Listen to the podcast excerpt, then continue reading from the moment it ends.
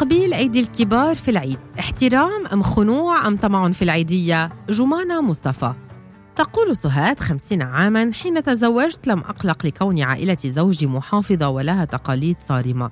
قلت في نفسي سأتعود فالحقيقة أنني لم أجئ من منزل يحتفل برأس السنة ويسمح باللباس القصير أو بالأصدقاء من الجنس الآخر. كلنا محافظون بشكل أو بآخر.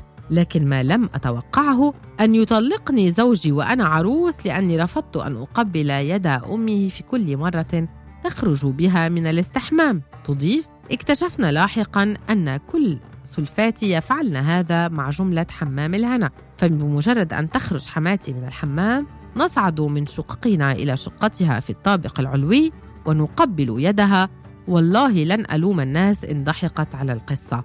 المهم أني رجعت لبيت أهلي وبعد تدخل عائلتي المستغربة وبعد أن اختلط الضحك بالغضب والاستهجان بالنكت تصالحنا أنا وزوجي ولم أقبل يد حماتي مثل باقي القناين حتى ماتت.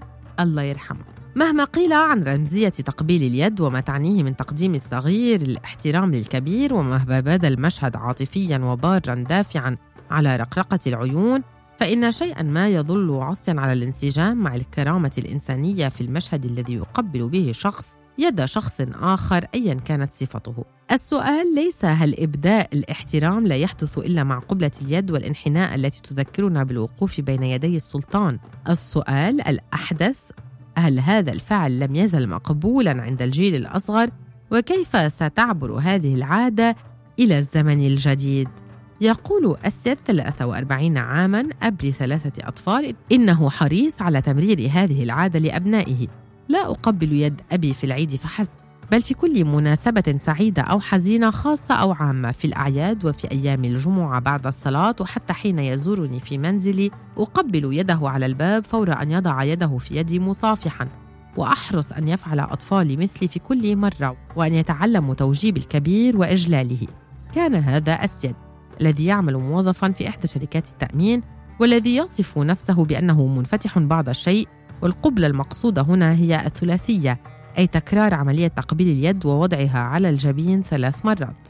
وكأنما جاء من عالم مختلف يتذكر أسامة 56 عاما هذه العادة في العيد بالقصة التالية. كان أبي شيوعيا ستالينيا في أحد الأعياد وعمري سبع سنوات على ما أظن. شاهدني وأنا أقبل يد جدتي لأمي. كنت فخورا ومزهوا بنفسي وأنا أنتظر العيدية ناداني بصرامته المعتادة ثم صفعني صفعة قوية وصرخ بي ألا أقبل يد أي شخص كائنا من كان. لأن هذا فعل مذل والمذلول ليس له الحق بإبداء الاحترام من عدمه. لم تزل كلمات أبي ترن في أذني أو أنها أذني التي كانت ترن من حماوة الكف لكنني لم أزل أشمئز كلما شاهدت شخصا يقبل يد آخر. طبعا من ناقل القول أن العبرة كانت لتصل دون صفعة لكنه كما قلت كان ستالينيا يقول الطبيب النفسي محمد الصالحي الأطفال يتعلمون بطريقتين إما بالتعليم الاجتماعي القائم على الملاحظة والمراقبة أي التقليد وهي نظرية باندورا أو بالمكافأة والعقاب وهي نظرية الإشراط الإجرائي لسكينر. أي إذا رأى الطفل أن كل من يقبل يد الأم أو الأب أو الجد يحصل على النقود سيفعل ذلك للحصول على مكافأته. بعد عيدين أو ثلاثة سيتوقف عن التقليد وسيبدأ بفعل هذا الأمر من تلقاء نفسه. فقد ارتبط فعل تقبيل اليد لديه بالمال والمال يعني المكافأة حتى لو لم يفهم الطفل رمزية تقبيل اليد حينها. لكنه في الوقت الذي سيبدأ بفهمها سيكون قد اعتاد الأمر.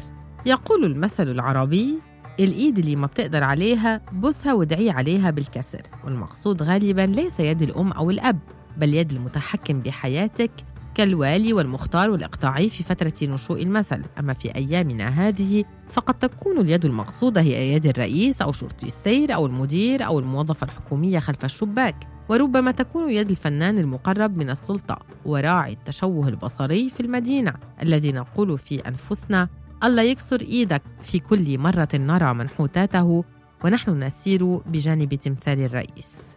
لكن إذا عدنا إلى الوراء قليلا ألف عام أو أكثر بقليل سنكتشف مما وصلنا أن تقبيل اليد لم يكن فعلا يبعث على الاحترام عند العرب ولم يكن منسجما مع ما يعرف العربي به نفسه من أنفة وزهو وفي الكتب قصتان تؤديان لهذا المعنى. الأولى أموية لهشام بن عبد الملك حين دخل عليه رجل وقبل يده لتقديم البيعة فقال عنه اف له إن العرب ما قبلت الأيدي إلا هلوعا ولا فعلته العجم إلا خضوعا.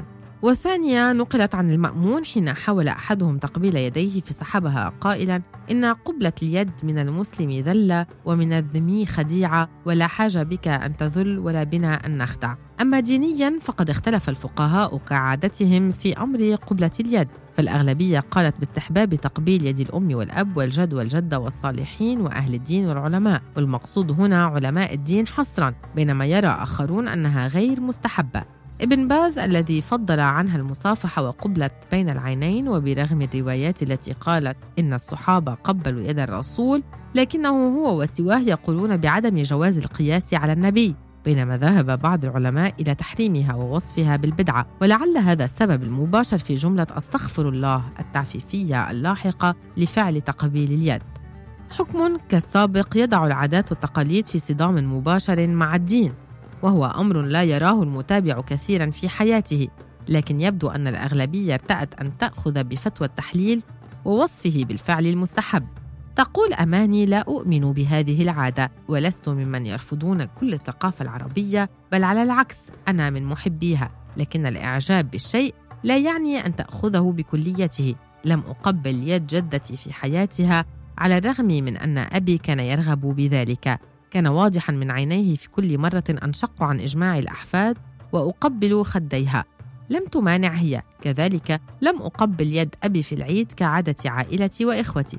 أعتقد أنه كان يرغب بذلك ولو لمرة. كنت أيضا أفضل تقبيل خديه على حرج. فعلاقتي بأبي كانت أقرب إلى الرسمية.